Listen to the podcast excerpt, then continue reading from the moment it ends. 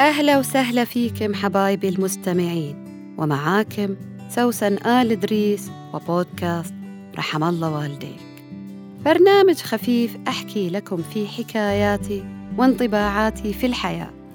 اللي أرجو إنها تعزف على وتر في وجدانك من زمان ما سمعته أو كنت غافل عنه عشان بعد ما تسمعني تدعي لي وتقول رحم الله والديك.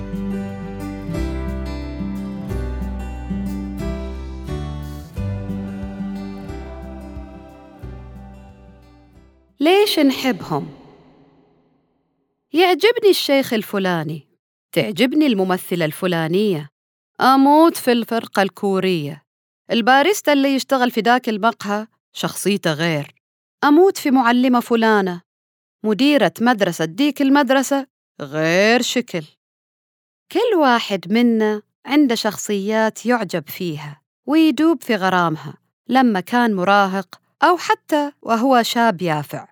يشدونا لدرجة نتمنى إن إحنا نكون معهم نشتغل وياهم أو حتى نكون هم يا ترى ويش الكاريزما والصفات اللي تجمع الناس اللي يحصل لنا كراش عليهم وهل هم أفضل منا صحيح مثل ما نتوقع؟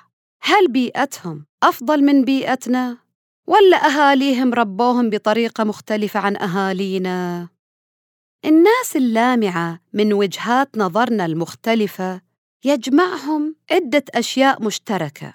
ويش ما كان اختلاف مجالاتهم؟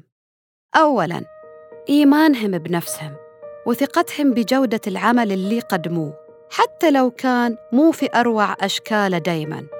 بس هم يحبوا الشي اللي يسووه ويقدموه بكل حب ومن القلب للقلب.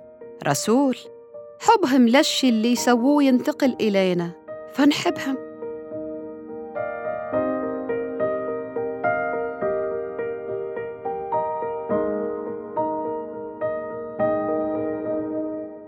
الحاجة الثانية الاستمرارية وعدم الملل.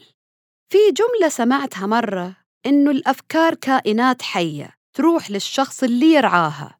كلنا تجينا أفكار جهنمية وجديدة. محتاجة من يتبناها ويرعاها ويكبرها لكن فقط الناجحين هم اللي يلتقطوا هذه الفكرة ويسعوا في الحفاظ عليها وتطويرها يصحوا ليها يناموا عشانها ويطفوا جوالهم عشان يشوفوا احتياجاتها.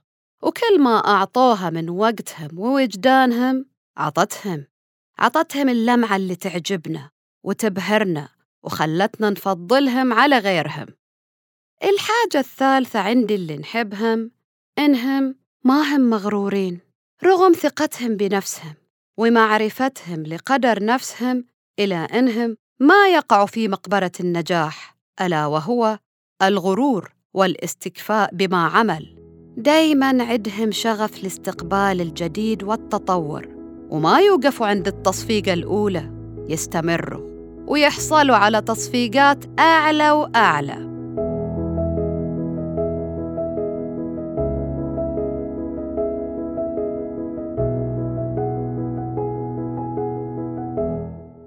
رابع حاجة؟ لما يحسوا إن الفكرة اللي هم تبنوها لفترة وخدمتهم وصارت نوعاً ما مستهلكة ينتقلوا لفكرة جديدة. أما تطوير للقديمة أو ما تشبهها ولا لها علاقة بها. أذكر إني مرة شفت شيف أمريكية في التلفزيون وكانت تطبخ بكل حب واستمتاع. لما عرضوا مسيرة حياتها اتضح إنها كانت عبقرية في المدرسة بالذات في مادة الرياضيات لدرجة إنها استحقت إنها تشغل منصب مهم وحساس في البيت الأبيض. وحققت نجاح منقطع النظير وصاروا ما يستغنوا عن عقلها الفطين. لكن لما بدأ عندها شغف الطبخ تركت كل الصيت اللامع في البيت الأبيض. وصنعت لها صيت ثاني في عالم الطبخ وصلها للعالمية بشكل آخر. كان برنامجها للطبخ Barefoot Contessa من أنجح البرامج وألفت كتب وفتحت محلات ومطاعم. يعني باختصار هي تسوي كل مرة الشي اللي هي تبغاه بكل شغف وثقة واحترام لما تعمله. فليش إحنا ما نكون النجم اللامع اللي نعجب فيه؟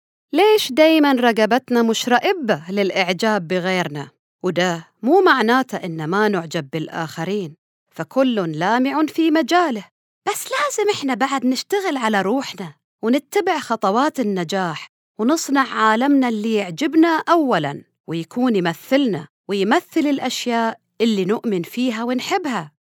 كل اللامعين كانوا حريصين على إرضاء نفسهم وملء شغفهم. والناس جت تطالع ويشعدهم وعجبهم اللي شافوه فشاركوا الناس شغفهم. ونقول لكل من اشتغل على نفسه وأصبح نجم لامع عند ذاته قبل ما يسطع عند الآخرين. رحم الله والديك يا كاريزما.